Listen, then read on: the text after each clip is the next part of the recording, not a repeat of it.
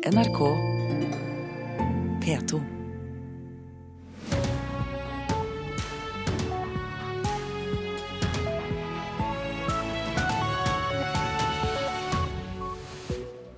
Det er eh, blitt eh, fredag. Fredag den 13. Eh, mars. Og 6.30 er dette overskrifter. EU må regulere flybransjen for å hindre innleie av piloter og kabinansatte fra bemanningsselskaper, krever danske representanter i EU-parlamentet. Arbeidsministeren inviterer partene til å diskutere billigere permitteringsregler for bedriftene. Endelig, sier Arbeiderpartiets Dag Terje Andersen.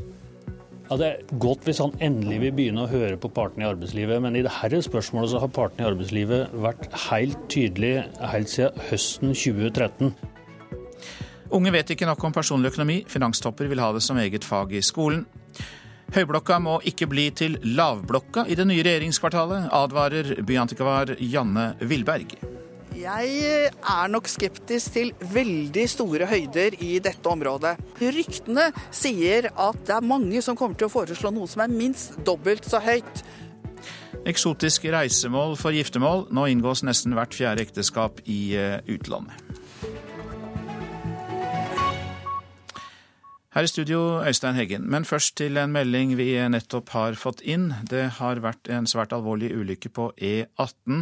To biler brenner etter en kjedekollisjon eh, der minst tre biler var involvert. Og det er altså på E18 ved Kopstad i Vestfold.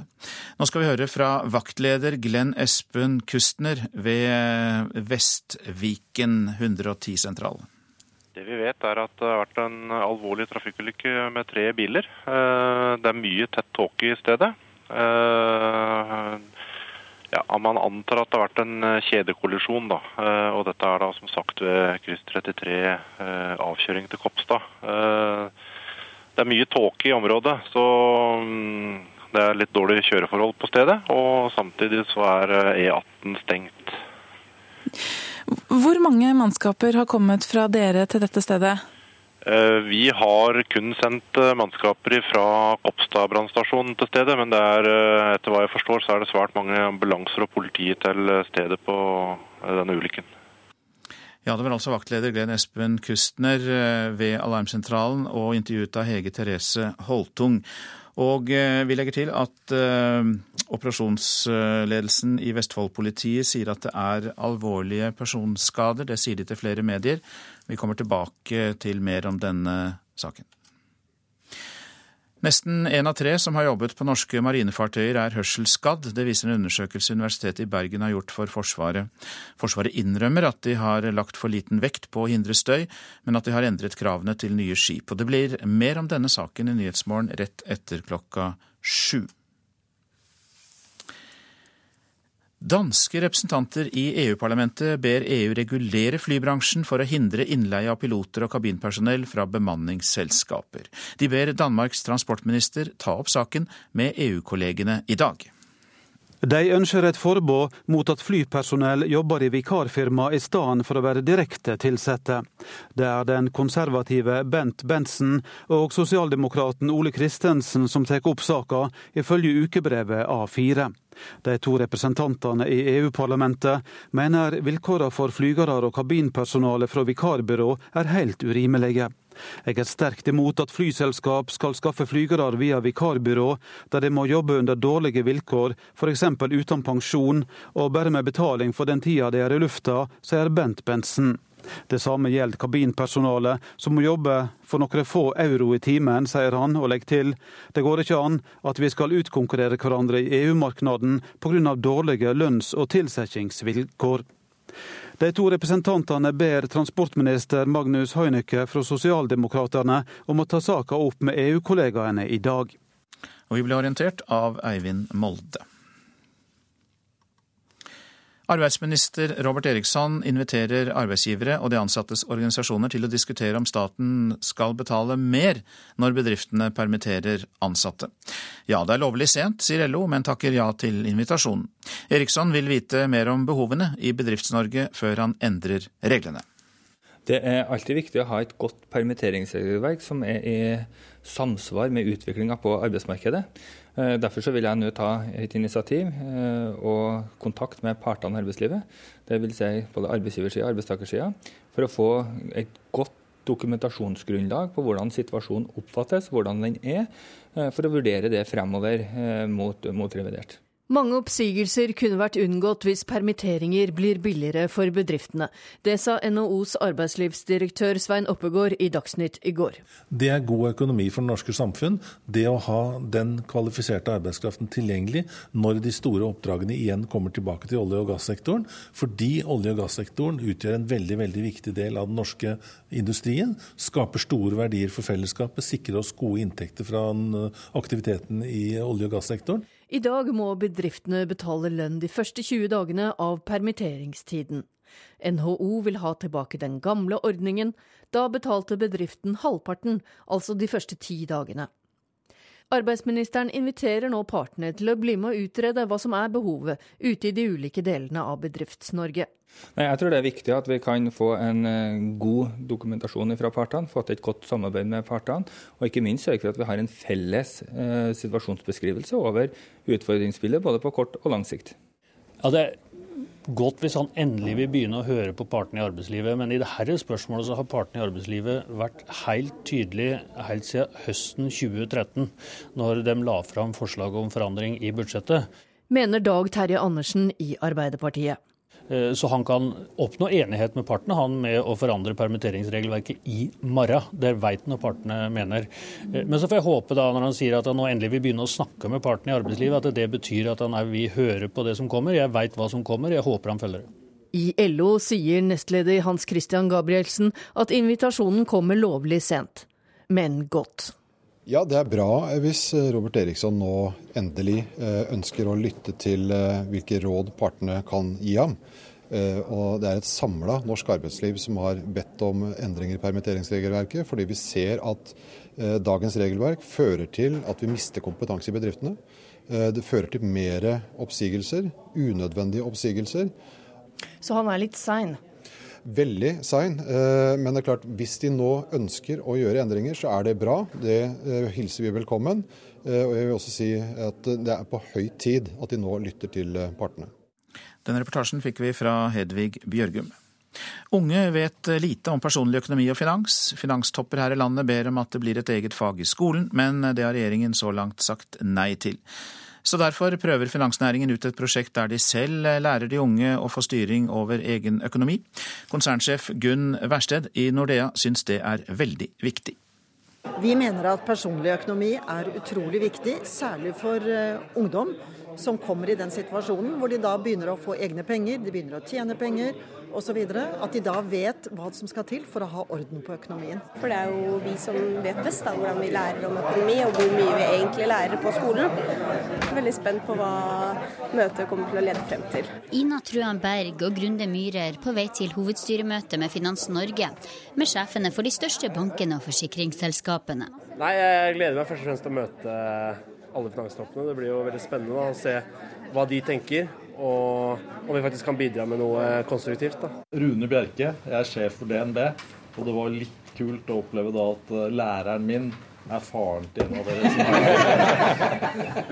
En liten avsporing under presentasjonsrunden. Faren til en av skoleelevene som nå skal gi DNB-sjef Rune Bjerke råd, var en gang læreren til konsernsjefen. Finansnæringa vil ha innspill fra ungdommene om hvordan de kan undervise unge i personlig økonomi.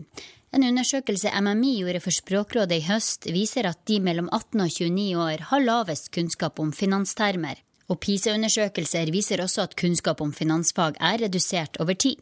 Skoleelevene Trine Linn Vestli og Martin Haukland mener at de ikke lærer nok om å styre sin egen økonomi på skolen. Så har vi heller ikke fått noe spesiell opplæring i personlig økonomi. Da må du eventuelt velge det som et ekstrafag, men det kan også på en måte påvirke eh, dine valg fremover. Alle dere, når vi får brev i posten, sånn, fall alle bankene, så regner det med at vi vet det vi skal kunne. Eller at eh, siden personlig økonomi ikke blir et eget fag, vil finansnæringa altså selv gi råd til skoleungdom, slik at det ikke kommer skjevt ut på veien i voksenlivet. Noe Ina Trøan Berg var redd for. Så fort hun fylte 18 gikk hun til banken for å få foreldrene ut av styringa av hennes kontoer. Nå, nå er det jeg som ruller showet. um, og da fikk jeg også spørsmål om jeg skulle ha mastercard. Men Ina Trøenberg takket nei. Men jeg vet jo at mange vennene mine har eh, mastercard. Men jeg har selv så har jeg litt sånn jeg stoler ikke nok på meg selv til å la meg bruke mastercard. Kunnskapsdepartementet har flere ganger uttalt at personlig økonomi er godt nok dekka i læreplanene i ungdomsskolen og i videregående. Dessverre er realitetene at dette i dag ikke er en del av skoleplanen. Mener Gunn Wærsted, konsernsjef i Nordea. Ja, Det er i hvert fall helt tydelig ut fra den erfaringen vi har hørt i dag, at de ikke er inne i skolen. Det oppfattes ikke av elevene. Og jeg må jo også si finansnæringen nå, vi bruker masse ressurser på å være rundt i skolene. I fjor hadde vi kontakt med over 21 000 elever. Og tilbakemeldingen er veldig klart at dette har de ikke kunnskap om, og dette hører de lite om. Den reportasjen var laget av Linda Reinholdsen. Minst én bil brenner etter en alvorlig trafikkulykke på E18 ved Kopstad i Vestfold. Ifølge politiet er flere personer alvorlig skadd, og de jobber med å få oversikt på stedet. Arbeidet er vanskelig pga. tett tåke. Det har sannsynligvis vært en kjedekollisjon med minst tre biler. og Dette var altså ved Kopstad i Vestfold. Vi snakker om E18. Så til avisene. Jeg var på gråten, sier Bjørn Kjos til Dagbladet. Norwegian-sjefen sier han søkte støtte hos familien og dedikerte ansatte da det blåste som verst under streiken. Tida framover kommer også til å bli turbulent, sier eh, Kjos. Etter Norwegian-streiken sier oljearbeidernes leder at høytlønte grupper taper opinionen når de er i streik. Leder i Industri Energi, Leif Sande, sier til Klassekampen at han blitt truet med bank på gata, og at de nesten har gitt opp å få støtte fra et flertall i folket når, er, når de er i streik. Mistet jobben før han fikk begynt. I Dagens Næringsliv kan vi lese om Nick Svendsen, som ble ansatt i fast jobb før han var ferdig som ingeniørstudent, men eh, så snudde markedet. Ifølge Statistisk sentralbyrå forsvinner 30 000 oljejobber. Kampen for tilværelsen er Bergensavisens oppslag om SV, som nå har landsmøte. Påtroppende nestleder og bergenser Odny Miljeteig sier at det handler om å overleve som parti, og at SV-erne ikke kan late som de kjører Tesla, når de egentlig sykler på en trehjulssykkel. Advarer mot å gi kommunene mer makt i nasjonen, kritiserer ekspert i arealforvaltning Nikolai K. Winge planene om å gi kommunene større råderett over jordvernet. Han viser til Bærum, der verneverdig jord på Tanumplatået skal brukes til boliger. Størst terrorfrykt er det blant unge, kan vi lese i Vårt Land. Sikkerhetsforsker sier grunnen til det er at unge mennesker har lavere generell kunnskap om konflikter og mindre livserfaring. Fire kvinner fra Stor-Elvdal som dro fra bygda til hovedstaden, pryder Aftenpostens forside i dag. I hjembygda er det bare 73 kvinner per 100 menn. Andelen kvinner i distriktene stuper. Jeg føler at jeg husker bedre når jeg skriver, sier tredjeklassingen Osman til Dagsavisen. Han går på Bøhler skole i Oslo, der skriving er kommet til heder og verdighet igjen. Skrivingen har druknet i alt fokus på regne- og leseferdigheter, sier rektor Morten Sesseng. Adresseavisen skriver at Granåsen i Trondheim kan ta status som nasjonalanlegg bort fra Holmenkollen. Oslo vraket sin OL-søknad, mens Trondheim søker ski-VM. Derfor ønsker Skiforbundet Granåsen som nasjonalanlegg. Og VG har sjekket frokostblandinger, og de fleste er uegnet som sunn start på dagen, får vi vite. En av dem har sukker tilsvarende 24 sukkerbiter bare i én porsjon.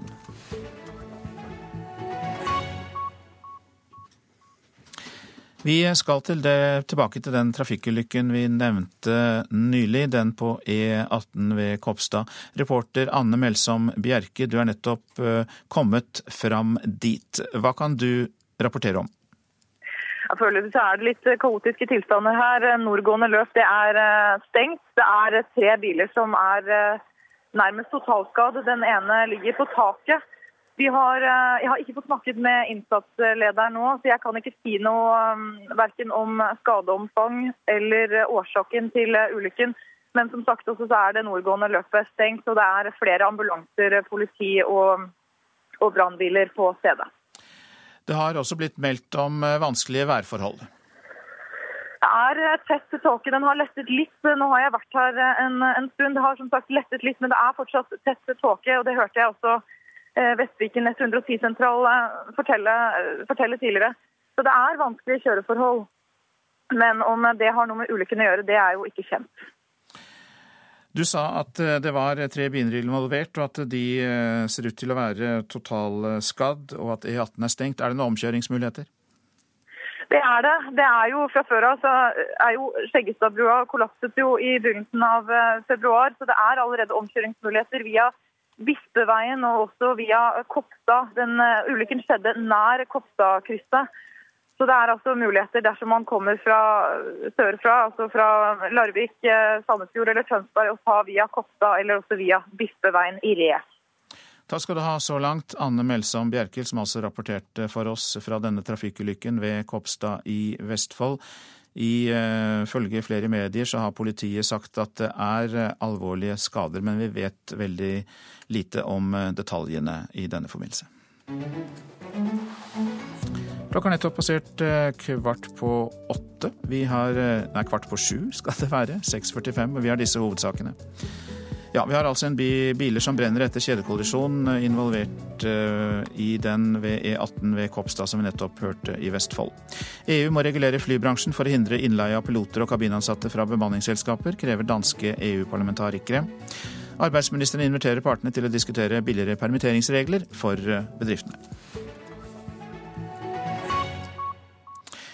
Vi har fått besøk i studio, studio av Andreas Ytterstad. Velkommen. Takk skal Du er en av initiativtakerne til noe som skjer i Oslo i dag, nemlig eh, et arrangement med slagordet 'Brems eh, norsk klimautvinning'. Utvikling, la oss skape 100 000 nye klimajobber. Fagbevegelse, kirke og miljøbevegelse står altså sammen om arrangementet. Dere vil skape 100 000 klimajobber. Hva er klimajobber? Jeg må bare først korrigere trykkleifen der. Det, det, er altså brems norsk oljeutvinning og ikke klimautvinning. Eh, det er 100 eh, 000 klimajobber som må skapes istedenfor eh, å pøse 190 milliarder inn i leting etter mer olje, som vi nå ser i Barentshavet. Men for å svare på spørsmålet. Klimajobber. Klimajobber er de nye jobbene vi desperat trenger nå for å snu Norge om til et lavutslippssamfunn. Det er jobber innenfor fornybar energi, transport, bygning først og fremst. 100 000 sånne jobber er et minimum for at utslippene i Norge skal gå ned med 80% de neste 20 årene.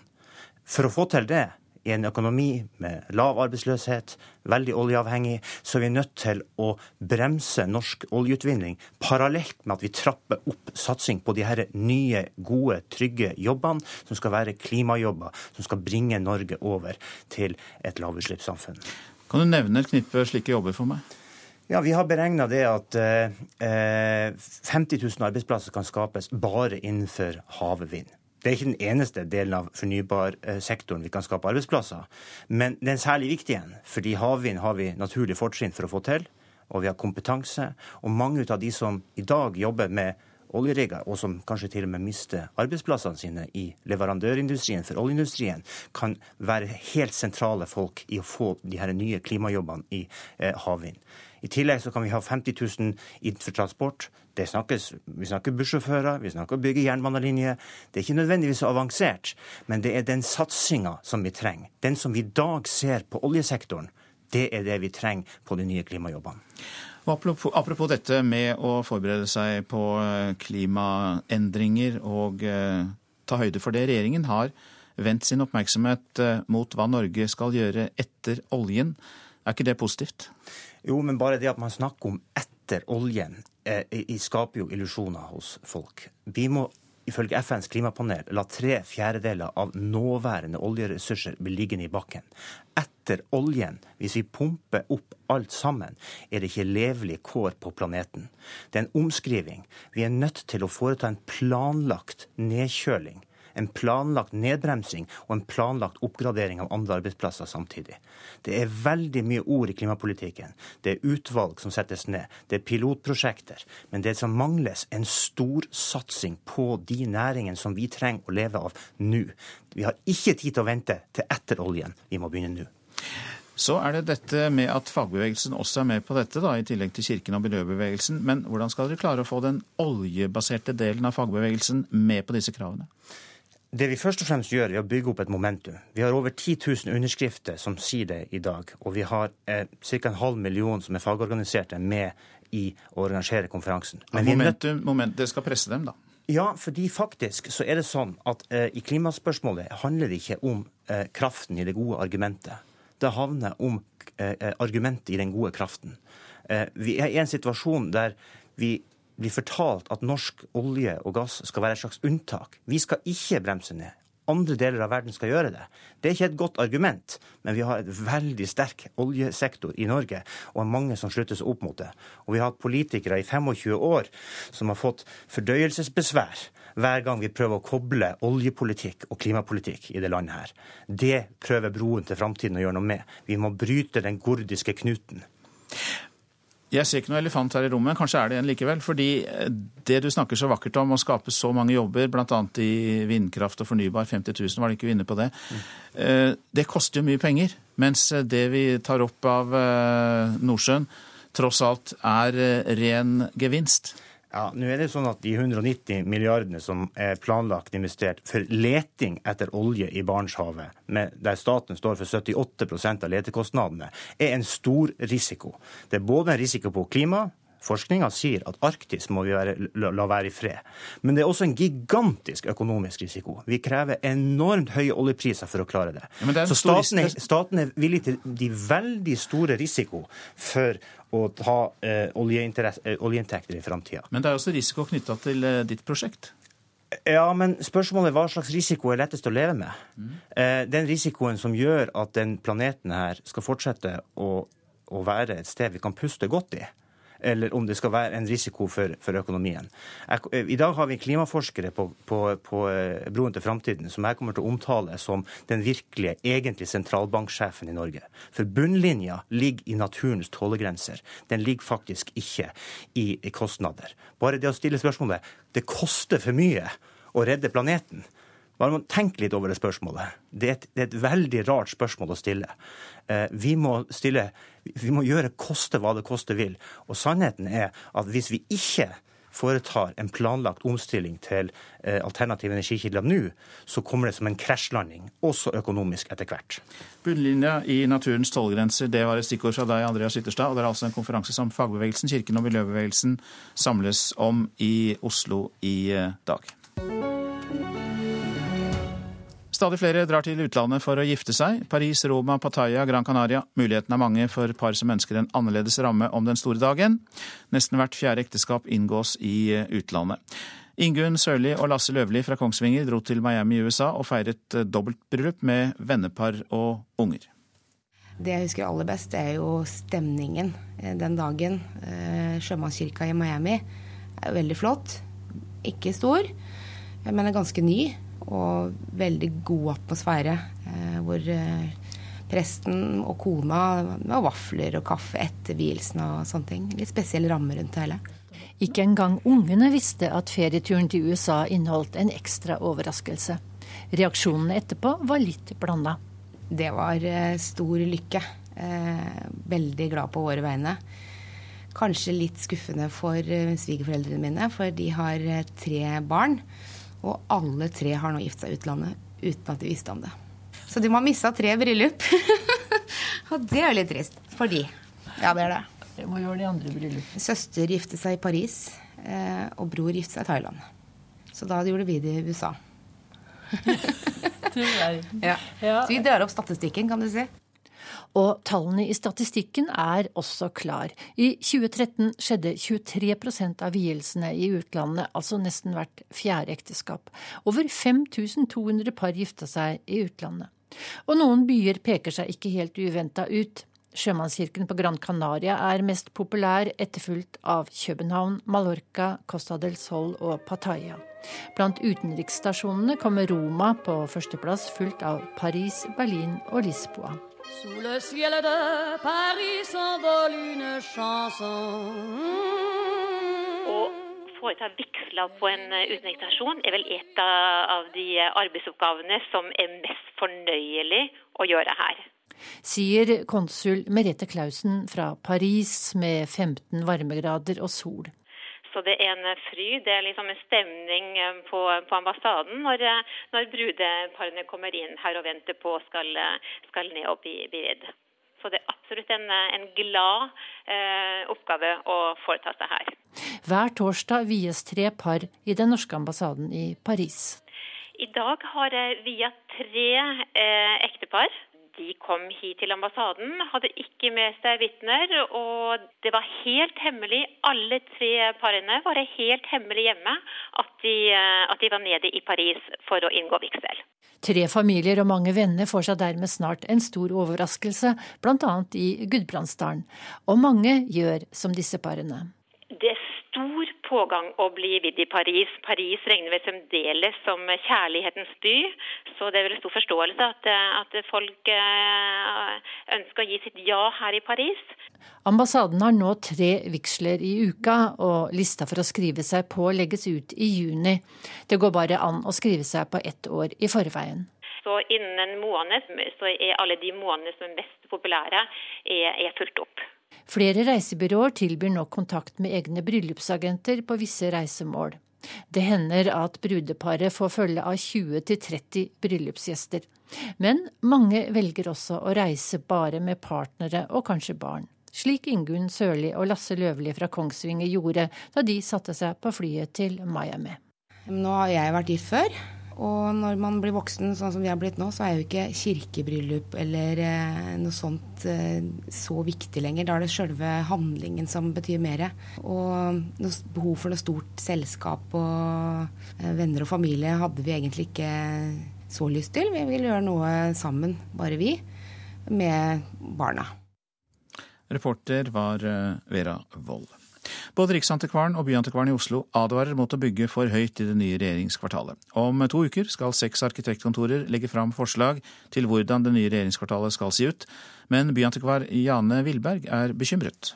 Jeg er nok skeptisk til veldig store høyder i dette området. Sier Janne Wilberg, som er byantikvar i Oslo. Hun står på Jungstorget med et bekymringsfullt blikk rettet mot den 48 meter symboltunge høyblokka.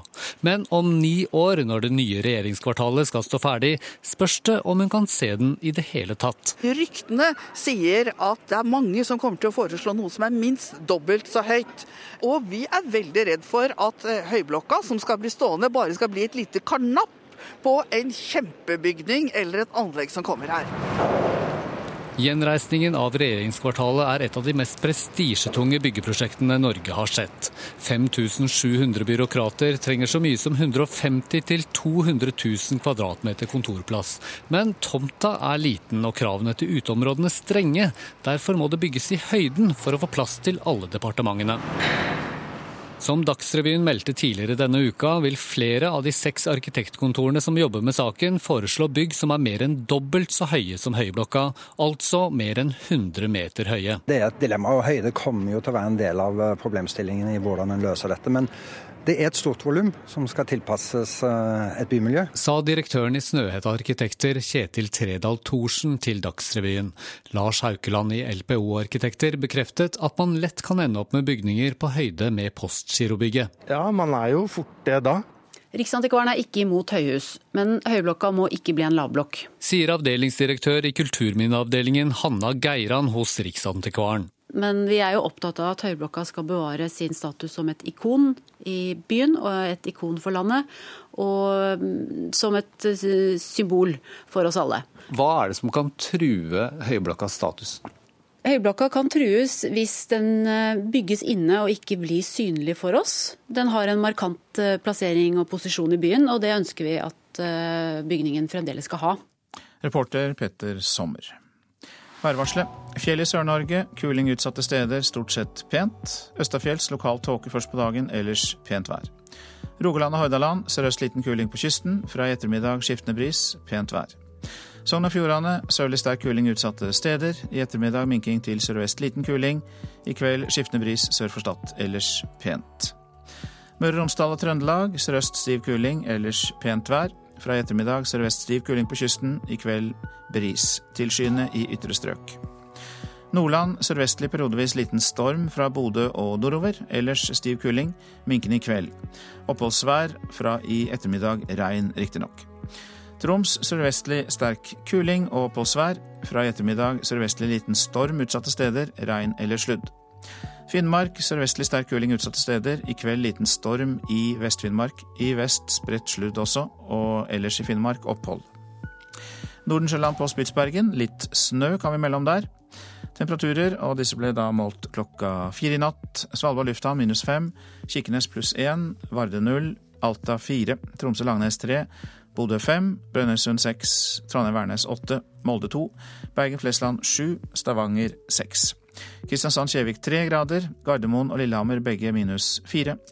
Røros pluss tre, Oslo-Blindern minus én. Nyhetsmorgen fortsetter med disse sakene. Mange blir hørselsskadd på norske marinefartøyer. Forsvaret svarer for seg i Nyhetsmorgen. Tekstilfabrikker i Kambodsja får massiv kritikk nok en gang. Og en oppfølging av Disney-filmen Frost kan gi penger i kassa til norsk reiseliv. Ja, Nesten én av tre som har jobbet på norske marinefartøyer er hørselsskadd. Det viser en fersk undersøkelse. Blant verstingene er det relativt nye korvettene i Skjold-klassen.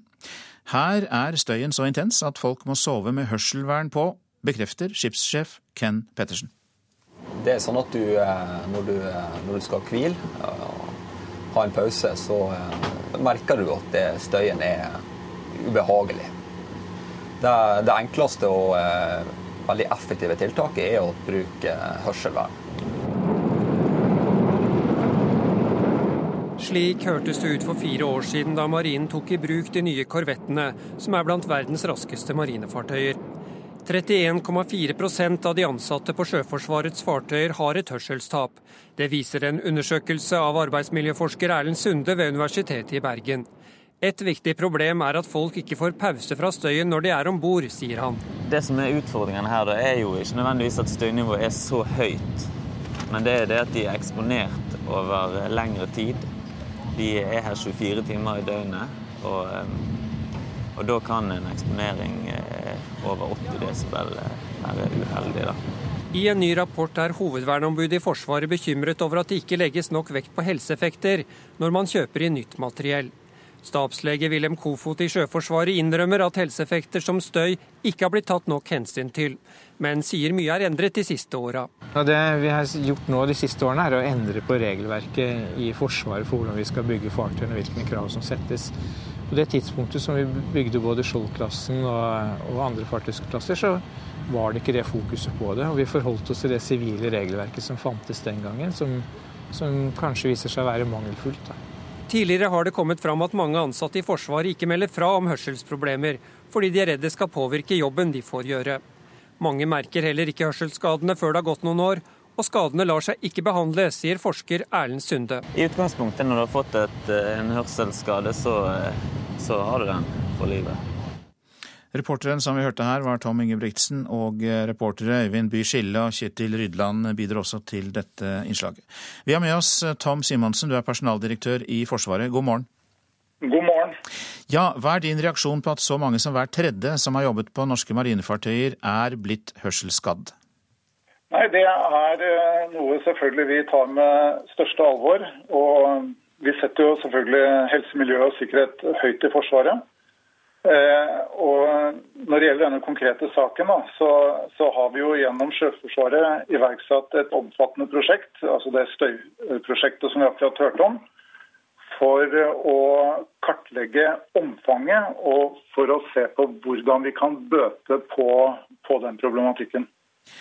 Vi hørte også at uh, folk ikke melder fra, de er redd for uh, jobbene sine. Hva kan du som personaldirektør gjøre med det?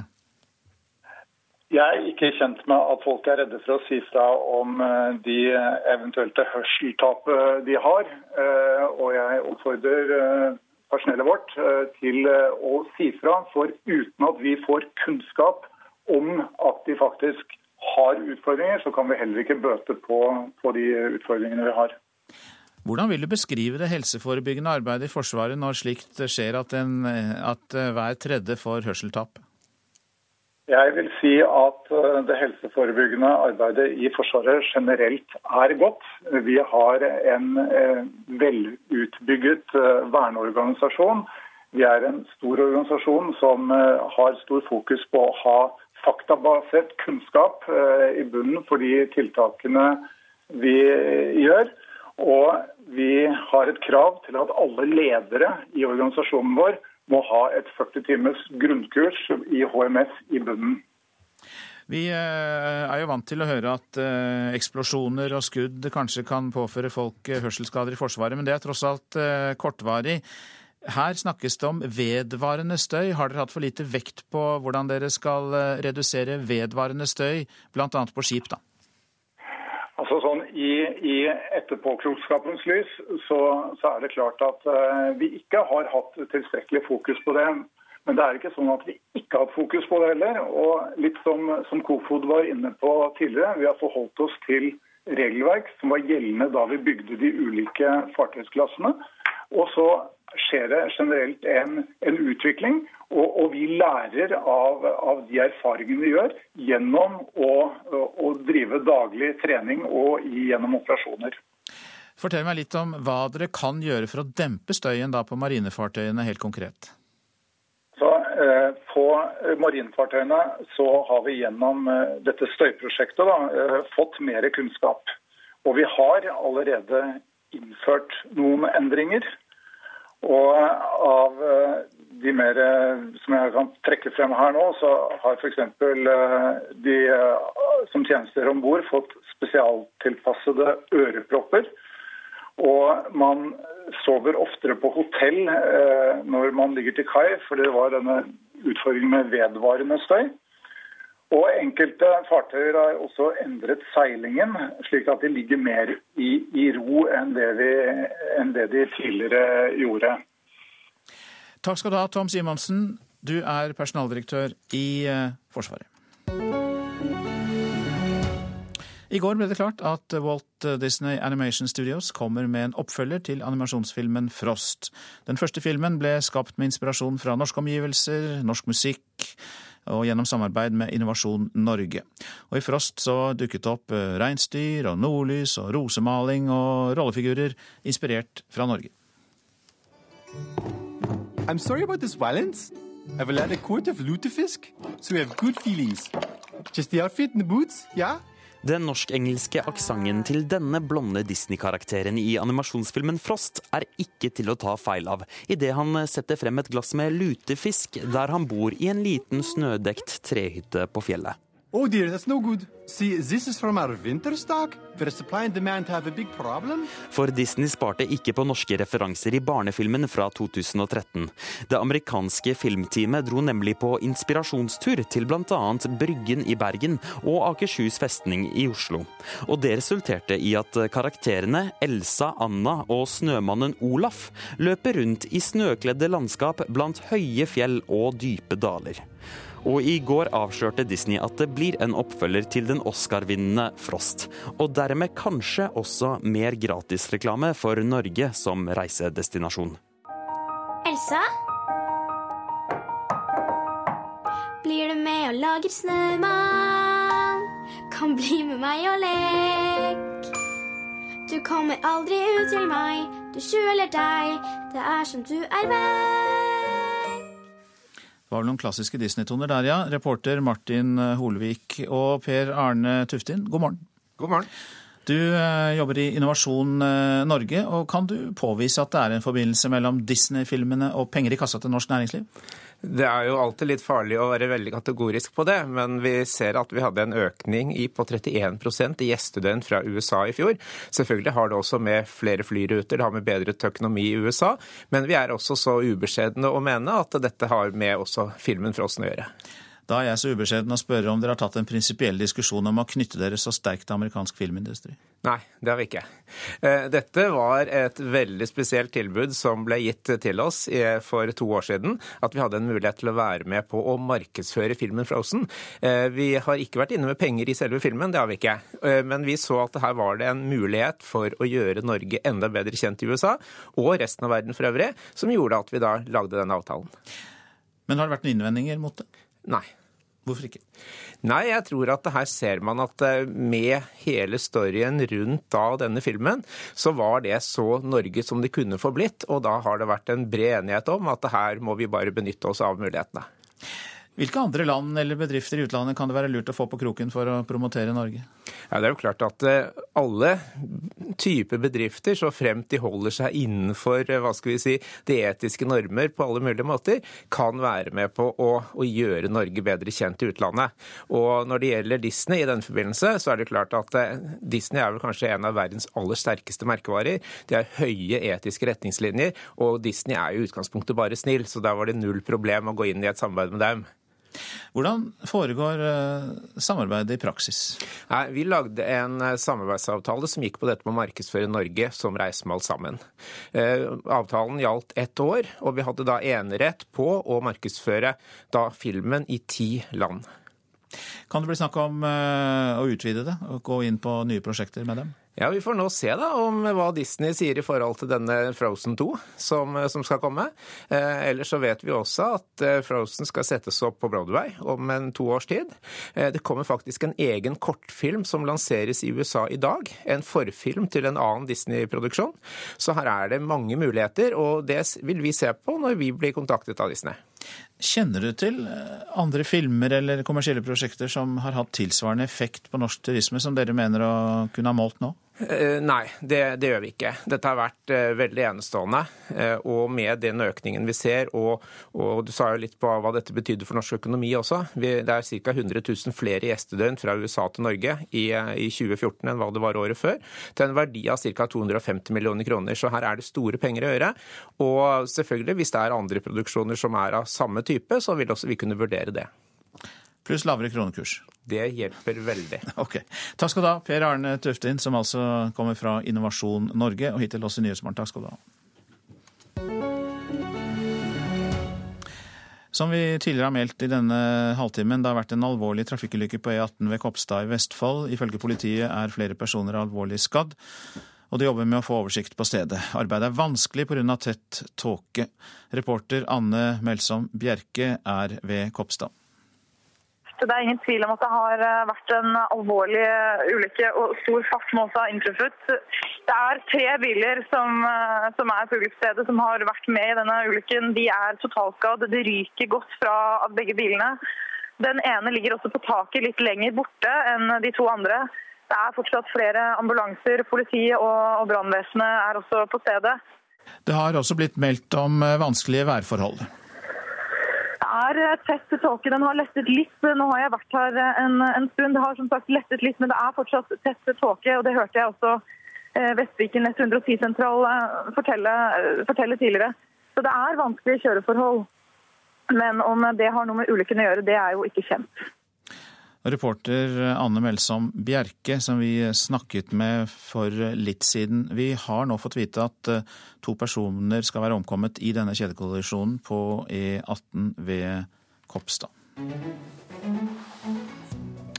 Andre toppsaker i Nyhetsmorgen i dag når klokka er kvart over sju. EU må regulere flybransjen for å hindre innleie av piloter og kabinansatte fra bemanningsselskaper, krever danske EU-parlamentarikere. Arbeidsministeren inviterer partene til å diskutere billigere permitteringsregler for eh, bedriftene. Og vi har eh, også hørt at det er hørselsskader i Forsvaret blant en tredel av de som har vært på fartøyer der. Tekstilfabrikker i Kambodsja har nok en gang fått massiv kritikk. I en rapport fra Human Rights Watch går det fram at fabrikkene begår en rekke lovbrudd. Disse fabrikkene blir brukt av mange internasjonale kleskjeder, blant dem svenske Hennes og Maurits. På rekke og rad i store industrihaller sitter de og syr klær for store internasjonale klesmerker. Nå har en fersk rapport fra menneskerettighetsorganisasjonen Human Rights Watch avslørt en rekke lovbrudd på fabrikkene, som bl.a. leverer klær til Hennes og Maurits.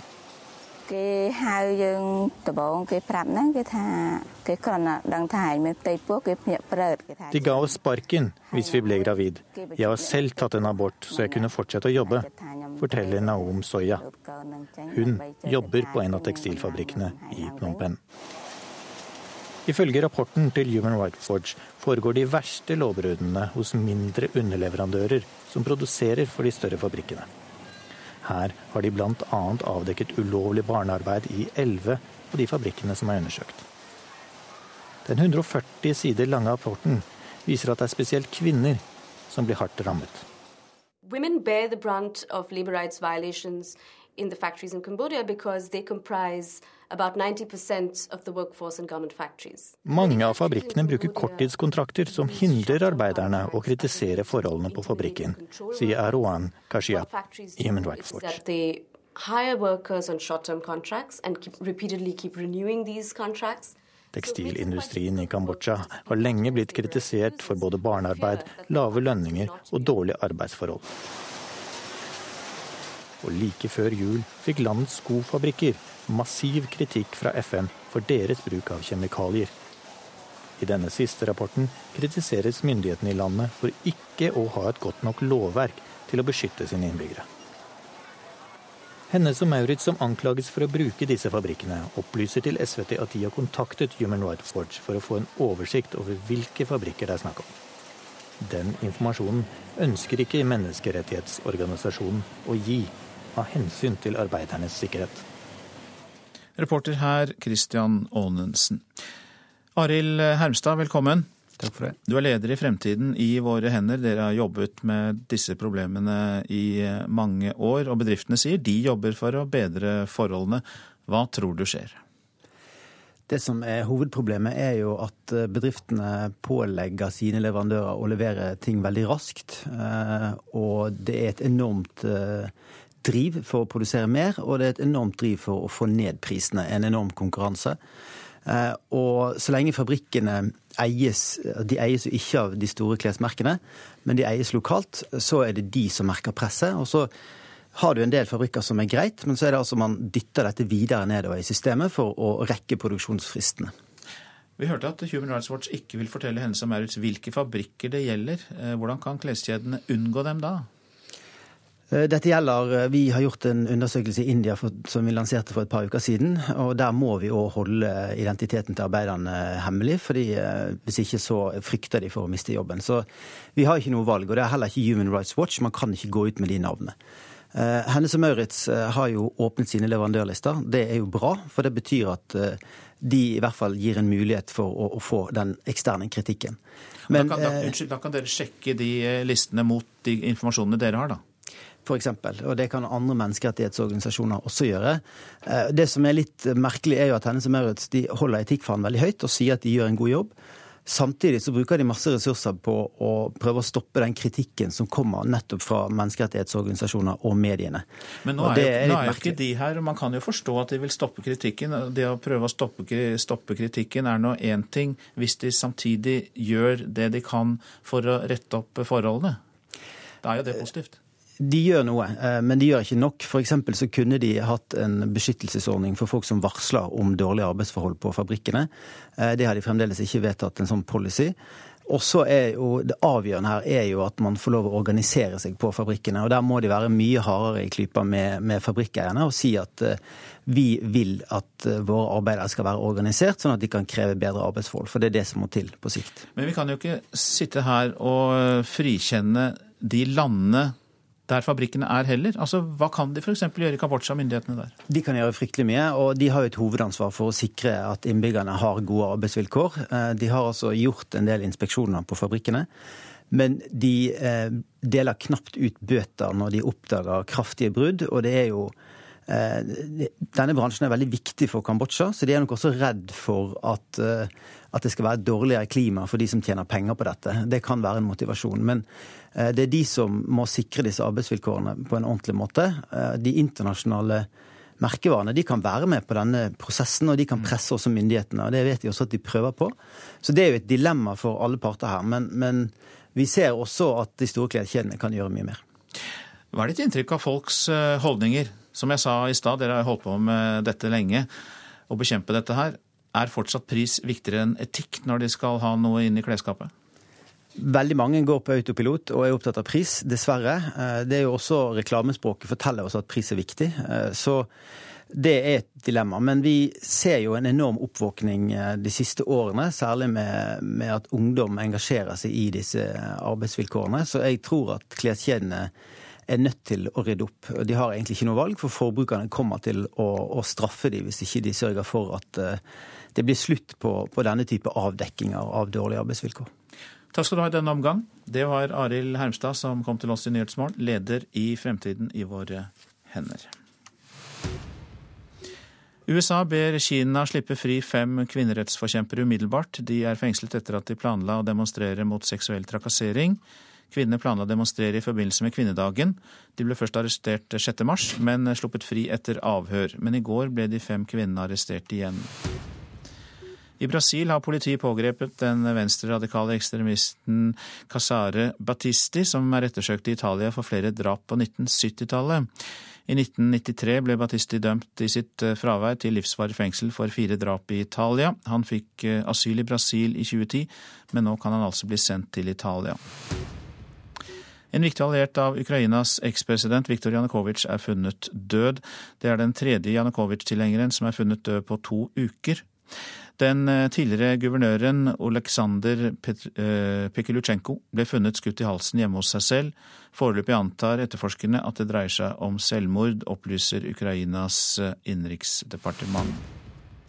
USAs utenriksminister John Kerry skal møte Palestinas president Mahmoud Abbas i forbindelse med det økonomiske toppmøtet i Sharm el-Sheikh i dag, opplyser kirker, eh, kilder i amerikansk UD. Også Jordans kong Abdullah skal være til stede, og det er mulig at Egypts president Abdel Fattah al-Sisi slutter seg til eh, disse samtalene. De vil bl.a. dreie seg om den økonomiske krisen i den palestinske selvstyremyndigheten. Så til avisene. Jeg var på gråten, sier Bjørn Kjos til Dagbladet. Norwegian-sjefen sier han søkte støtte hos familien og dedikerte ansatte da det blåste som verst under streiken. Tida framover kommer også til å bli turbulent, sier Kjos. Etter Norwegian-streiken sier oljearbeidernes leder at høytlønte grupper taper opinionen når de er i streik. Leder i Industri Energi, Leif Sande, sier til Klassekampen at han er blitt truet med bank på gata, og at de nesten har gitt opp å få støtte fra et flertall i folket når de er i streik. Mistet jobben før han fikk begynt. I Dagens Næringsliv kan vi lese om Nick Svendsen, som ble ansatt i fast jobb før han var ferdig med ingeniørstudiene, men så snudde markedet. Ifølge Statistisk sentralbyrå forsvinner 30 000 oljejobber. Kampen for tilværelsen er Bergensavisens oppslag om SV, som nå har landsmøte. Påtroppende nestleder og bergenser Odny Miljeteig sier at det handler om å overleve som parti, og at SV-erne ikke kan late som de kjører Tesla, når de egentlig sykler trehjulssykkel. Advarer mot å gi kommunene mer makt. I Nasjonen kritiserer ekspert i arealforvaltning Nicolai K. Winge planene om å gi kommunene større råderett over jordvernet. Han viser til Bærum som eksempel, der kommunen vil bygge på verneverdig jord på Tanum-platået. Størst terrorfrykt blant unge kan vi lese i Vårt Land. Sikkerhetsforsker sier grunnen er at unge mennesker har lavere generell kunnskap om konflikter og mindre livserfaring. Fire kvinner fra Stor-Elvdal som dro fra bygda til hovedstaden, pryder Aftenpostens forside i dag. I hjembygda er det bare 73 kvinner per 100 menn. Andelen kvinner i distriktene stuper. Jeg føler at jeg husker bedre når jeg skriver, sier tredjeklassingen Osman til Dagsavisen. Han går på Bøler skole i Oslo, der skriving er kommet til heder og verdighet igjen. Skrivingen har druknet i alt fokus på regne- og leseferdigheter, sier rektor Morten Sesseng. Adresseavisen skriver at Granåsen i Trondheim kan ta statusen som nasjonalanlegg fra Holmenkollen. Oslo vraket sin OL-søknad, mens Trondheim søker ski-VM. Derfor ønsker Skiforbundet Granåsen som nasjonalanlegg. Og VG har sjekket frokostblandinger, og de fleste er uegnet som en sunn start på dagen. En av dem har sukker tilsvarende 24 sukkerbiter bare i én porsjon. Be om hjelp og bank på hos Terje. Ja, så enkelt forsøker de å gjøre det i Hå kommune i Rogaland, der Terje Mjåtveit jobber med å få unge ut i arbeid eller tilbake i utdanning. Det er 40 000 unge her i landet som verken er i jobb, skole eller i Nav-systemet, men i Hå så forsøker de å gjøre terskelen lavere. Nei, når folk banker på hos meg, så ser jeg jo de kommer ut forbi, og så vinker jeg de inn. så setter vi oss ned litt i fred og drøser. De unge vet at de kan banke på vinduet til Terje Mjåtveit når de er klare for en ny sjanse. Han er tilsatt av Hå kommune for å hjelpe de som verken går på skole eller er i jobb. Det er ungdommer som gjerne ikke har funnet seg til rette i skolesystemet i starten. Det kan være andre grunner. Vi kommer skjevt ut med dette med rus. Gjerne ikke hatt det like greit i familiesituasjonen. I Norge står 40 000 unge utenfor jobb og skole. Mange av dem blir bare sittende hjemme. I Hå kommune jobber de tett både med Nav, oppfølgingstjenester og lokale bedrifter for å gi de unge noe å stå opp til. Det er å prøve å hjelpe dem ut og prøve å formidle arbeid til de som ikke har arbeid. Vi setter oss i bilen. Vi skal møte en av de som en gang sto utenfor vinduet til Terje. Hallo, Rudi. Hvordan ligger det an? Du skal på skift klokka halv to? Ja. Nå venter nok en arbeidsdag, men da Rudi Haaland kom til Terje, var situasjonen en annen. Han hadde droppa ut av videregående etter to år, og hadde gått hjemme i ett år. Ja, og jeg eh, gjorde jo det. Jeg eh, havna litt i, ut i skeivt miljø og sånn. Men så fikk vi høre om det der tiltaket, og at det kunne hjelpe folk ut i arbeid. Og så ville vi det heller enn å Kommunen skaffa han en praksisplass ved ei lokal bedrift, der han fikk jobbe med det han hadde interesse for. Og i dag, to og et halvt år seinere, har han fast jobb. Det er utrolig, utrolig mye. Jeg tror aldri jeg hadde vært her i dag, hadde det ikke vært for Terje. Aldri. Tallet på unge arbeidsledige i Hå kommune har gått ned med 38% siden prosjektet starta for tre år siden. Den lave terskelen har fått flere til å be om hjelp, og arbeidspraksisen de blir tilbudt, gjør at flere unge kommer seg i gang med livet, mener leder i Nav i Hå, Eidis Stadnes. Det handler noen ganger om å modnes, eh, og da er det å å få en ny sjanse, en arbeidsgiver som tror på deg. Du får prøvd deg ut, og du, lyst, og du får lyst til å kanskje gå tilbake til skolebenk for deg noe mer formell utdanning, for en ser at det gir andre muligheter. Reportasjen var laget av Kjersti Hetland. Prosent for Nyhetsmorgen i dag, Marit Selve Nedrelid. Her i studio, Øystein Heggen. I Politisk kvarter er SV-landsmøte tema. Og Politisk kvarter det begynner altså kvart på åtte.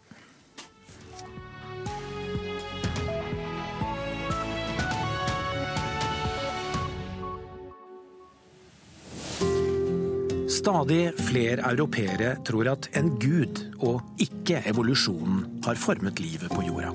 Og i de senere årene har atskillige europeiske ministre akseptert og endog støtta undervisning i kreasjonisme. Men gjør det nå, spør Verdibørsen lørdag klokka åtte i NRK P2.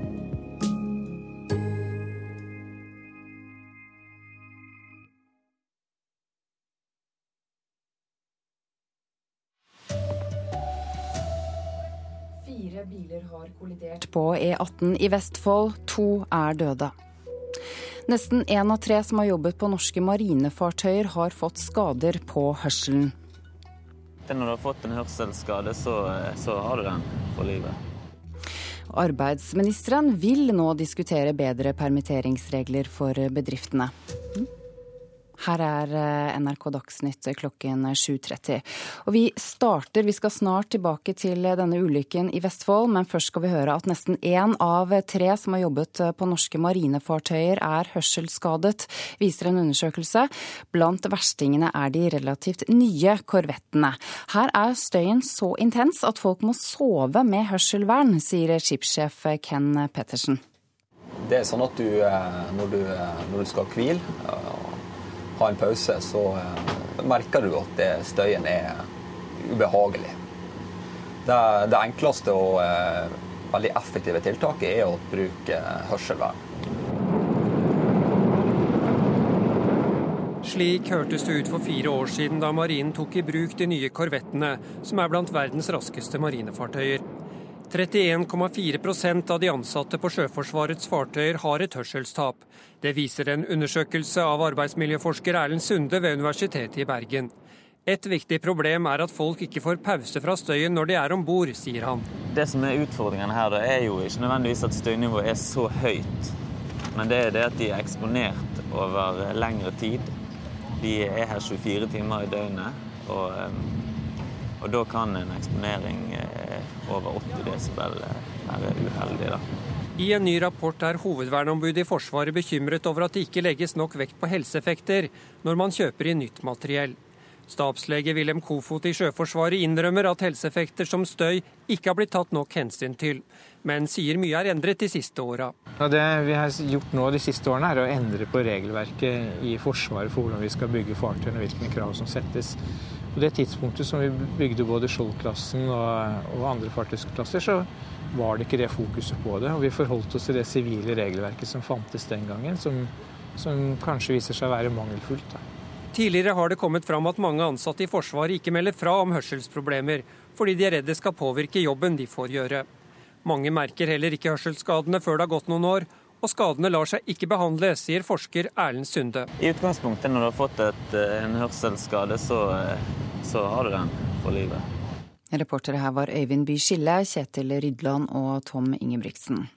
Da skal vi til Vestfold, der to personer har mistet livet i en kjedekollisjon på E18 nå i morges. Fire biler er involvert i ulykken. En av bilene begynte å brenne. Og reporter Anne Melsom Bjerke, du er der.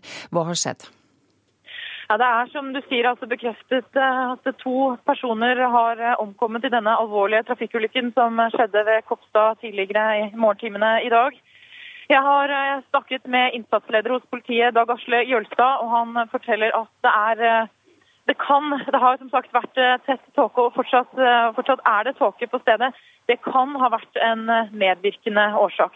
Det var altså fire biler som var involvert, tre direkte. Og fortsatt så, så er det både politi, ambulanse og brannvesen på stedet. Jølstad, innsatsleder hos politiet, fortalte at de nå jobber med å sikre spor, og også snakker med vitner som så ulykken. To har altså omkommet. Vet de noe om flere er alvorlig skadet? Nei, Det eneste Jølstad kunne si, var at dette var en alvorlig trafikkulykke med alvorlige skader. Hvem og hvor mange som er eh, skadet. Som sagt så er jo to omkommet, men, men hvor mange flere som er alvorlig skadet, det kunne han ikke gå inn på. Eh, de jobber nå som sagt med å sikre spor og snakke med vitner. Og, og det, er, det, er, mye som tyder på at eh, altså nordgående felt som nå er stengt, også vil bli stengt i en stund fremover. Mens politiet da også sikrer spor. Det er omkjøringsveier via Kopstad og også Bispeveien i Re. Takk til deg, reporter Anne Melsom Bjerke. Danske EU-politikere vil nå forby bruken av bemanningsselskaper i flybransjen. Også den danske transportministeren vil ha strengere regulering. Saken skal diskuteres i Brussel i dag. Ja, endelig er eh, streiken over. Den elleve dager lange Norwegian-streiken var over tirsdag. Flygerne sitt mål var at morselskapet Norwegian Air Shuttle skulle bli regna som Norwegian-pilotene sin reelle arbeidsgiver. De fikk på plass en juridisk garanti som stadfester hva tilknytning de skal ha til morselskapet. Pilotene nå har fått ei erklæring fra morselskapet. Nå skal EU diskutere hvordan bransjen skal reguleres. Det er den danske transportministeren Magnus Haunicke fra Sosialdemokratene som tar opp saka med EU-kollegaene i dag. Vilkårene i deler av bransjen er urimelige og konkurransevriende, sier han i en pressemelding. Nye felles EU-regler skal diskuteres.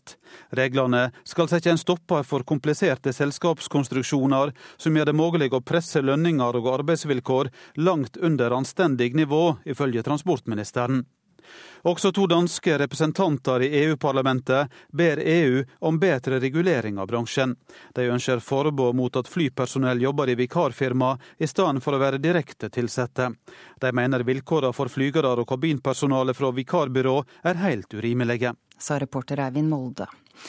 Arbeidsminister Robert Eriksson inviterer nå arbeidsgivere og ansatteorganisasjoner til å diskutere om staten skal betale mer når bedriftene permitterer ansatte. Det er sent, sier LO, men takker likevel ja til invitasjonen. Eriksson vil ha bedre kunnskap om behovene i Bedrifts-Norge før han forandrer reglene. Det er alltid viktig å ha et godt permitteringsregelverk som er i samsvar med utviklinga på arbeidsmarkedet.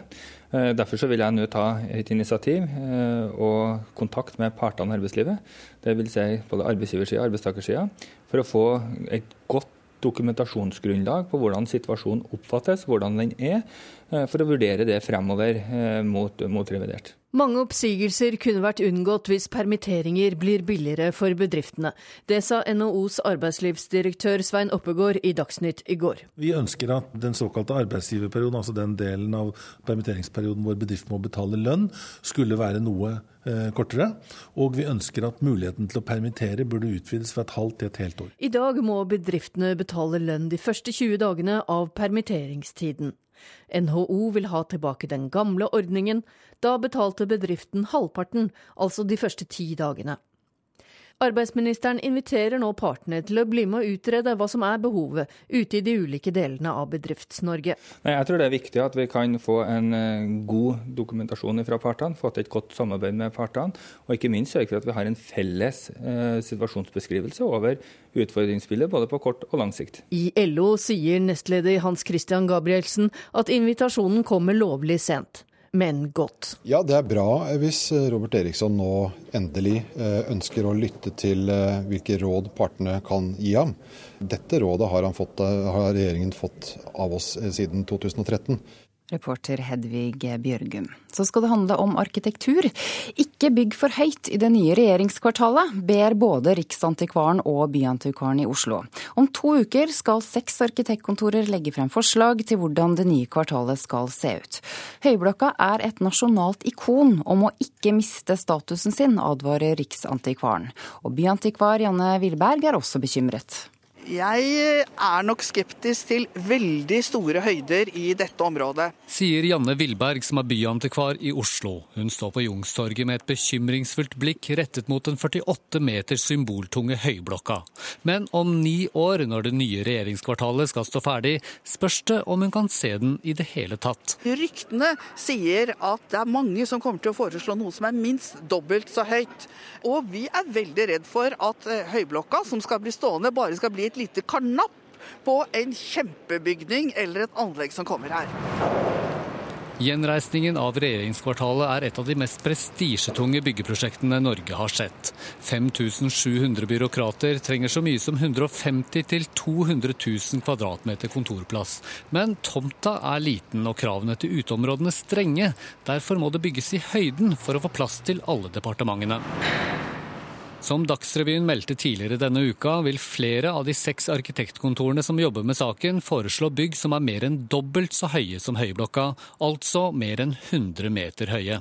Riksantikvaren er ikke imot høyhus, men Høyblokka må ikke bli en lavblokk. Sier avdelingsdirektør i Kulturminneavdelingen Hanna Geiran hos Riksantikvaren. Men vi er jo opptatt av at Høyblokka skal bevare sin status som et ikon i byen og et ikon for landet og mm, som et eh, symbol for oss alle. Reporter Petter Sommer. Det er eh, Sven Gullvåg som er ansvarlig for Dagsnytt denne morgenen. Teknisk ansvarlig er Marianne Myrhol. Jeg heter Ida Krid.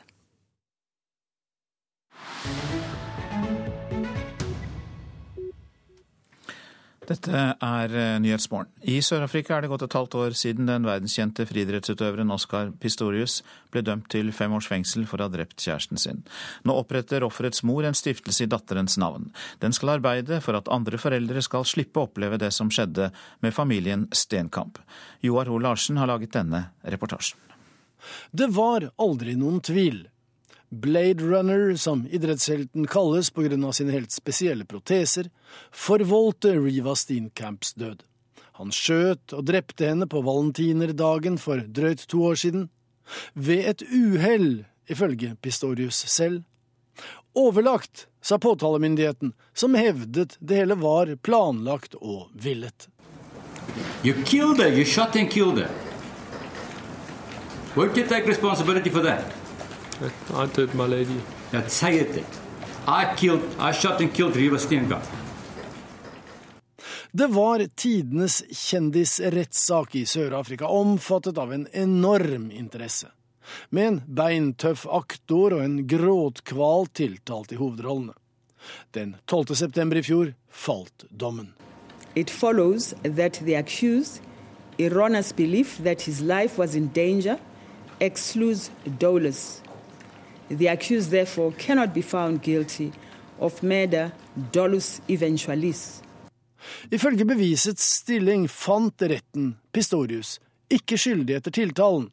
Men dommer Tokosile Masipa dømte ham til fem års fengsel for uaktsomt drap og uforsiktig håndtering av våpen. Pistorius har de siste ukene fått lettere soning, han kan nå klemme og holde rundt besøkende, han har en tredemølle til disposisjon, han kan bruke private penger i fengselsbutikken, og han kan prøveløslates i løpet av året. Samtidig har påtalemyndigheten ikke gitt opp håpet om å anke saken og få ham dømt for overlagt drap, noe Pistorius sine forsvarere skal forsøke å få stanset i et rettsmøte senere i dag. Offerets mor, June Steenkamp, sier hun ikke lenger bryr seg om hva som skjer med Oscar. Hun har lagt det hele bak seg og arbeider nå for å hjelpe kvinner som er i samme situasjon som datteren Riva var. I'm not really wondering what's happening to Oscar. You know, I've moved on. I'm now busy trying to do good for people, helping people, and work with the. June Steenkamp reagerte på at under rettssaken ble datteren omtalt som avdøde. Hennes Riva ble nøytralisert og usynliggjort i form av begreper som skapte avstand, som tilslørte virkeligheten. Min datter døde en forferdelig død, sier hun. Nå oppfordrer hun andre kvinner til å snakke med venner og foreldre om sin situasjon. Moren visste ikke at den populære og folkekjære Oscar Pistorius hadde en mørkere side. Hun visste ikke om hans fascinasjon av våpen, hans bøllete atferd eller at han plaget datteren, som var fotomodell og programleder, i tillegg til å ha juridisk embetseksamen. Vi må gjøre noe med det, sier hun, om vi så bare kan redde én person. We have to do something about it. We can't just see something terrible and walk away. Nå oppretter hun Riva Rebecca Steenkamps stiftelse. Den skal ha hovedkvarter i den dreptes hjemby Port Elizabeth, men skal ha som mål å hjelpe kvinner og barn som mishandles av mannlige familiemedlemmer over hele Sør-Afrika. June Steenkamp har to formål med stiftelsen hjelpe andre, samt sørge for at mennesket Riva og det hun sto for, ikke skal bli glemt. Dette er Nyhetsmorgen med disse hovedsakene. Fire biler har korridert på E18 ved Kopstad i Vestfold. To personer er døde. Det var tett tåke i området. Nesten én av tre som har jobbet på norske marinefartøyer, har fått skader på hørselen. Blant verstingene er korvettene, der støyen er så intens at folk må sove med hørselvern. Danske EU-politikere vil forby bruken av bemanningsselskaper i flybransjen. Også den danske transportministeren vil ha strengere regulering. Og arbeidsminister Robert Eriksson inviterer arbeidsgivere og ansatte organisasjoner til diskusjon om staten skal betale mer når bedriftene permitterer ansatte. Politisk kvarter nå, det er ved Håvard Grønli.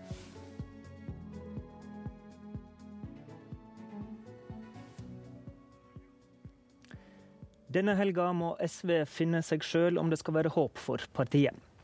Politisk kvarter har funnet Audun Lysbakken og spør hvor ille det egentlig er for partiet hans. Endelig er landsmøtesesongen i gang. Politisk kvarter sender fra alle landsmøter, og først ut er SV. Vi er i landsmøtesalen på Gardermoen, der delegatene samler seg om fire timer. SV-leder Audun Lysbakken, velkommen til Politisk kvarter. Tusen takk. De blå regjeringspartiene har mista mange velgere. Høyrepartiene krangler seg imellom og er i politisk stormvær pga.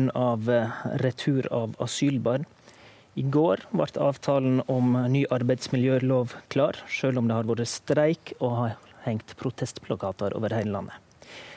Det burde jo være silkeføre for et opposisjonsparti på venstre fløy. Hvorfor har SV da stusslige 3% oppslutning? Det er ingen tvil om at regjeringen har gjort mye de siste månedene for å øke engasjementet blant eh, folk på venstresiden i Norge. og Det merker jo vi også. Det er en kampklar gjeng som kommer hit som er klar for lokalvalg. Så skulle jeg selvfølgelig helst sett at SV hadde bedre tall. Men det understreker jo også betydningen av uh, en god valgkamp for SV. Fordi uh, det kommer til å være sånn at i mange kommuner rundt om i landet, så er det SV som kan sørge for at det nå ikke bare blir nye flertall, at vi kan ta makten fra de blå, men at det også blir blir en ny politikk. For på mange områder så er det stor forskjell mellom det SV og Arbeiderpartiet står for når det gjelder miljø, når det gjelder kamp mot fattigdom, og når det gjelder solidaritet med de som har det vanskeligst i samfunnet vårt. Men velgerne ser jo ikke ut til å oppfatte dette enda. Da. Gjør dere noe galt? Gjør du noe galt? Altså, nå får vi jo se da, hva valgresultatet både til høsten og i 2017 blir. Det er jo det som vil eh, avgjøre om vi lykkes. Eh, jeg eh, pleier å si det sånn at jeg har ikke tenkt å være leder i noe PR-byrå som løper etter meningsmålingene. Jeg skal være leder for et politisk prosjekt som brenner for noe. Det vi brenner for, det er mindre forskjeller i Norge, sterkere fellesskap og ta Norge ut av oljealderen. Og så får folk ta stilling til om de liker det eller ikke. Men et politisk parti må først og fremst brenne for ting, og det gjør jammen SV. Men dere må jo tross alt overleve, om det skal være håp. Eh, nå har jo målingene vært stabilt lave lenge. Miljøpartiet De Grønne har vokst seg ganske vitalt, og SV har mista mange medlemmer. Er du av og til litt redd for at eh, det kan gå virkelig galt? Så hvis jeg skulle bruke tiden min på å være redd, så tror jeg jeg hadde vært en veldig dårlig mm, partileder. Det er sånn at det er veldig mye å la seg engasjere av eh, akkurat nå. Eh, SV står midt i en eh, kamp for asylbarna. Vi står oppe i en stor kamp mot den nye arbeidsmiljøloven for å berge et anstendig arbeidsliv, særlig for ungdom. Og denne våren blir det også store slag i Stortinget om klimamelding, om iskanten, der det ser ut til at høyresiden og Arbeiderpartiet ønsker seg en oljepolitikk vi mener er uforsvarlig. Eh, det er jo det eh, politikk handler om. Det jeg er opptatt av, er å skape resultater for de menneskene, de verdiene vi slåss for. Eh, og så får meningsmålingene komme etter hvert. Jeg har jo tro på at de vil flytte seg hvis vi er relevant for folk i folk sin hverdag. Og veldig mye av det SV skal snakke om i denne valgkampen, handler nettopp om en, en bedre hverdag for de menneskene vi kjemper for. Og det er jo altså da, som du er inne på, et lokalvalgsår. I, I, forrige lokalvalg så stilte SV til valg i 281 kommuner. Det var altså ikke SV-liste i rundt 150. Um, fristen for å stille liste er i slutten av måneden nå. Hvor mange har dere på plass?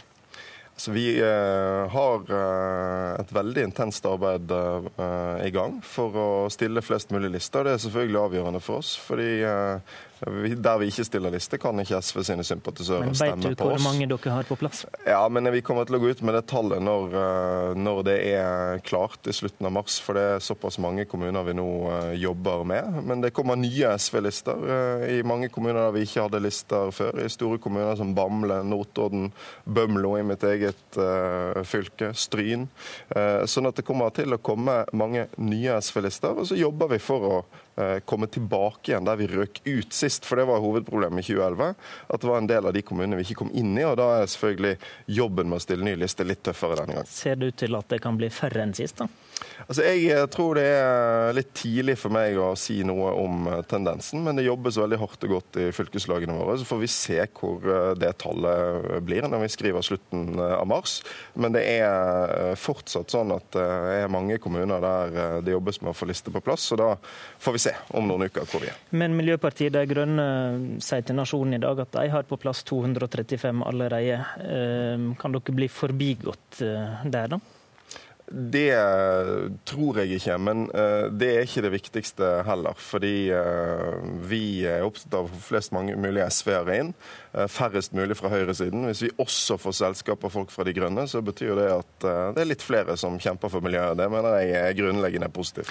Men er ikke nettopp det å være rundt i landet og sørge for å få lokale lister det som du burde prioritert nå, heller enn å skrive bok? Jeg har prioritert begge deler. Det har vært mye reising både for meg og de andre tillitsvalgte de siste månedene. Eh, men jeg har også skrevet en bok som kom ut denne uken eh, fordi vi ønsker å svare på de spørsmålene vi har fått av mange journalister og mange andre om hva det er som er det nye SV sitt prosjekt. Eh, I den boken har jeg prøvd å beskrive det. Eh, hva som er de nye hverdagsreformene vi skal kjempe for, hva som er vår strategi for å forandre Norge i 2015 eh, og 2017. Eh, og Det er jo nettopp en viktig del av det å få opp entusiasmen rundt vårt prosjekt. Vise hva det er vi skal nå. Vi skal slåss for spennende nye saker, og vi skal ikke minst prøve å unngå at vi får en situasjon der vi igjen får samarbeid mellom Arbeiderpartiet og høyresiden i norsk politikk, istedenfor et sterkt SV som kan trekke politikken mot venstre. Men når du er inne på Arbeiderpartiet, hvorfor er det sånn nå da at Ap får all gevinsten av eh, folks misnøye med regjeringa, mens SV åpenbart ikke får noe av den gevinsten? Så jeg er jo partileder, jeg er ikke valgforsker. sånn at uh, min jobb er å gjøre en god jobb for SV. Gjenopprette den tilliten som vi Du har vel noen tanker om det? Ja, gjenopprette den tilliten som vi mistet gjennom uh, regjeringsårene der mange velgere forlot oss. Uh, vi har visst at det er et møysommelig arbeid. Det er ikke sånn at du snur en sånn trend over natten. Men for det første så er det avgjørende å ha forslag som er relevante i folks hverdag. Sånn som vi har når vi nå foreslår en ny skoledag med uh, leksefri, med mat til alle, med skal, gratis vi skal, SFO. Vi skal komme til skoledagen, men litt, litt, mer om forholdet til Arbeiderpartiet, som vi er inne på nå. fordi du skriver da i denne boka at du, du nærmest lover å gjøre Jonas Gahr Støre til statsminister. Men burde ikke du også heller angripe av Arbeiderpartiet litt, hvis du skal eh, vise fram hva slags alternativ dere er? Så Det jeg har skrevet i boken, og som er min Mitt forslag da, til SV sin organisasjon det er at vi skal gjøre ting annerledes i 2017 enn vi gjorde i 2005 og 2009. Uh, eh, og Det handler om å lære av de erfaringene vi gjorde den gangen. Uh, det vi gjorde riktig, men også det vi gjorde feil. Og det handler nettopp om å vise de velgerne som har forlatt oss, uh, at vi har en bedre plan for å få gjort det som er aller viktigst for våre velgere. Og Derfor så kommer vi til å stille veldig tøffe krav til Jonas. Jeg vil selvfølgelig ha en ny statsminister. Det ville vært veldig rart om SV, som ligger til venstre for Arbeiderpartiet, skulle åpne for å støtte en regjering som ligger til høyre for Arbeiderpartiet. Men vi lover ikke eh, Arbeiderpartiet noen støtte til noe som helst utover det å kaste Erna Solberg. Derfra så vil vår støtte koste, i form av at vi skal ha gjennomslag for det som er aller viktigst for våre velgere. Derfor er mitt forslag til SV at vi på det landsmøtet som kommer om to år, skal vedta noen få saker som skal være de aller viktigste sakene for oss i valgkampen. Og at vi da skal si til velgerne at de kan være garantert at hvis SV kommer i en posisjon i regjering eller i et samarbeid i Stortinget, så blir det gjennomført. Og får vi ikke det til, så går vi i opposisjon. Men vi hører jo sjelden at du freser mot Arbeiderpartiet. Altså, jeg tror det er en del i Arbeiderpartiet som er uenig med deg i det. Vi kritiserer Arbeiderpartiet sterkt når Arbeiderpartiet fører en flyktningpolitikk som ligner på Høyre og Fremskrittspartiet sin. Eh, vi eh, kritiserer Arbeiderpartiet sterkt når de fører en politikk mot barnefattigdom, som er til forveksling helt lik Høyre sin. Eh, og denne våren så ser vi jo nok en gang eh, at i det aller viktigste spørsmålet, klimaspørsmålet, så går ikke skillet i Stortinget mellom høyre- og venstresiden. Det går mellom oss, sentrumspartiene og De grønne på den ene siden, og Høyre, Arbeiderpartiet og Fremskrittspartiet på den andre siden. Så hver gang eh, Arbeiderpartiet går sammen med høyresiden om politikk som vi er mot, så sier vi tydelig fra om det. Og på de områdene så er det jo kjempestor forskjell på SV og Arbeiderpartiet. La oss gå til en av de sakene du vil løfte fram som ny hovedsak. SV vil nå kjempe fram heldagsskolen, sier du. Hva er det med det prosjektet som kan være en vinnersak? Heldagsskolen er en reform for læring, for sosial utjevning, uh, for helse og for å gjøre noe med tidsklemmen til småbarnsfamiliene. Uh, og Det handler om en stor debatt som vi ikke har tatt i det norske samfunnet. Nemlig hva i all verden skal vi gjøre med all den tiden ungen er på skolen? Eh, altså Helt siden eh, min generasjon gikk på skolen, vi var nøkkelbarna på 80-tallet, som levde med en skoledag som var mye kortere enn arbeidsdagen til foreldrene våre. Eh, samfunnet hadde ikke helt fått med seg at mødrene hadde begynt å gå ut i arbeid. Etter hvert så kom SFO, men SFO er stebarnet i den norske velferdsstaten. Ingen har egentlig en stor plan for hva vi vil med SFO. Det er varierende kvalitet, det er dyrt. Vi sier la oss heller bruke en del av den tiden på å sørge for at alle barn får gratis, sunn mat på skolen hver dag, at alle får fysisk aktivitet, og at vi legger leksene inn i skoledagen. Sånn at alle barn kan få hjelp med leksene, for det vet vi at mange ikke får i dag. Og sånn at familiene kan slippe å ha ansvaret for å gjøre det når alle er slitne på kveld. Så du våger å løfte fram skolematen igjen? Ja, jeg kommer aldri til å gi meg på den saken. Det er noe SV har blitt ledd av, ydmyket for, latterliggjort pga. Eh, i mange år. Men jeg aksepterer ikke at Men det var jo en del av det bildet med at dere lovde noe som eh, ble umulig å holde? Ja, og det, jeg, har, jeg har tatt en sjølkritikk på vegne av SV for at vi ikke prioriterte mellom våre egne løfter i 2005. Eh, men det betyr ikke at skolematen var en dårlig sak. Eh, vi kommer til å prioritere heldagsskolen veldig høyt fram mot 2017, fordi vi mener tiden er overmoden for det. Og Det som skjer eh, i Norge i dag, er at vi har en regjering som har kuttet frukten til skoleelevene i ungdomsskolen, og brukt omtrent de samme pengene på å øke taxfree-kvoten for de voksne. Og Det syns jeg er helt vanvittig viktig folkehelsepolitikk. Men de bruker jo også pengene på en etter- og videreutdanningsreform. Og når du snakker om dette prosjektet nå, så høres det jo ut som et prosjekt som først og fremst skal få hverdagen til å gå opp for folk, ikke for at barn skal lære mer. Jo, fordi uh, det uh, er for det første sånn at forutsetningen for å gjennomføre heldagsskolen er flere lærere. Det aller viktigste vi kan gjøre for kvaliteten i norsk skole, det er flere lærere. Og Derfor foreslår vi en nasjonal lærernorm der det ikke skal være flere enn 15 elever per lærer på første til fjerde trinn eh, og 20 elever per lærer i resten av grunnskolen. Eh, det er fullt mulig å gjennomføre hvis vi bruker penger på det istedenfor på skattelette. Min innvending mot regjeringens politikk er ikke at han driver med etter- og videreutdanning. Det er vi veldig for. Det var Kristin Halvorsen som satte i gang det etter- og videreutdanningsløftet. Vår innvending er at uansett hva du spør Torbjørn Røe Isaksen om i norsk skole, så er svaret etter- og videreutdanning. Og Da høres det ut som om det er kvaliteten på lærerne som er hovedproblemet i norsk skole.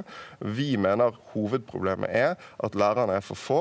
Og så mener vi at det er en stor utfordring i Skole-Norge at skolen gjør seg så avhengig av lekser som mange barn ikke har foreldre som kan hjelpe dem med. Og Det viser altså at de barna som har det tøffeste utgangspunktet i skolen, de taper læringsmessig på leksene. Eh, og det kan vi ikke finne oss i. Derfor bør vi legge øvingsarbeidet inn i skoledagen. Og derfor vil heldagsskolen også være en viktig reform for læring. Og så er du inne på i ditt første svar at det er dyrt. Og mange foreldre vil jo for så vidt kjenne seg igjen med at SFO er dyrt eh, for deres lommebok. Men det du skisserer vil jo være enormt dyrt for staten? Det er klart det vil koste penger for eh, staten. Dette lærerløftet som vi vil begynne denne reformen med, vil koste to milliarder kroner. Eh, men altså, det er halvparten av det regjeringen har brukt på formuesskatteletter. Sånn at dette er et spørsmål om prioritering. I SV så sier vi at vi ikke vil være med på skattelettepolitikken.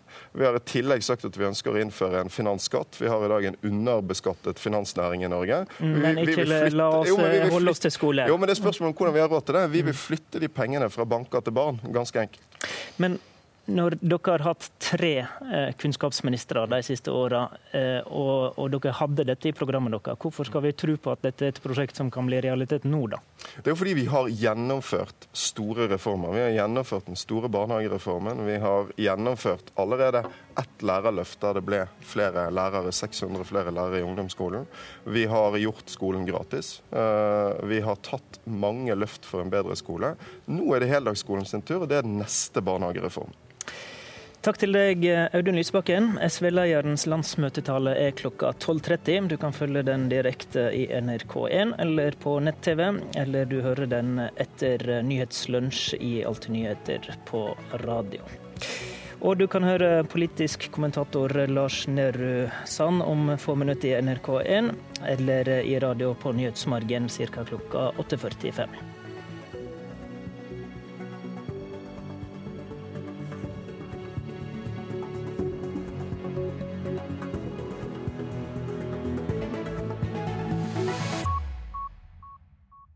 Hør flere podkaster på nrk.no podkast.